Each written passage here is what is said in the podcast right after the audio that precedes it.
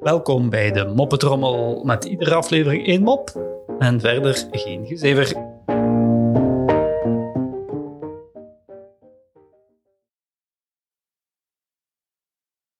Een alleenstaande vrouw moet naar de dokter, maar omdat ze geen babysit kan regelen, moet ze alle zeven kinderen meenemen. Bij de dokter aangekomen wil de dokter zich voorstellen aan alle kinderen.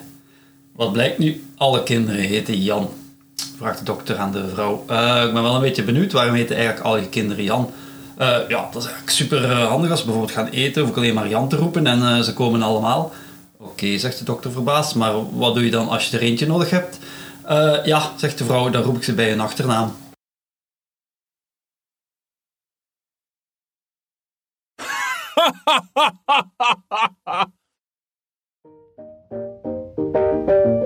Zo, dat was de moppetrommel voor vandaag.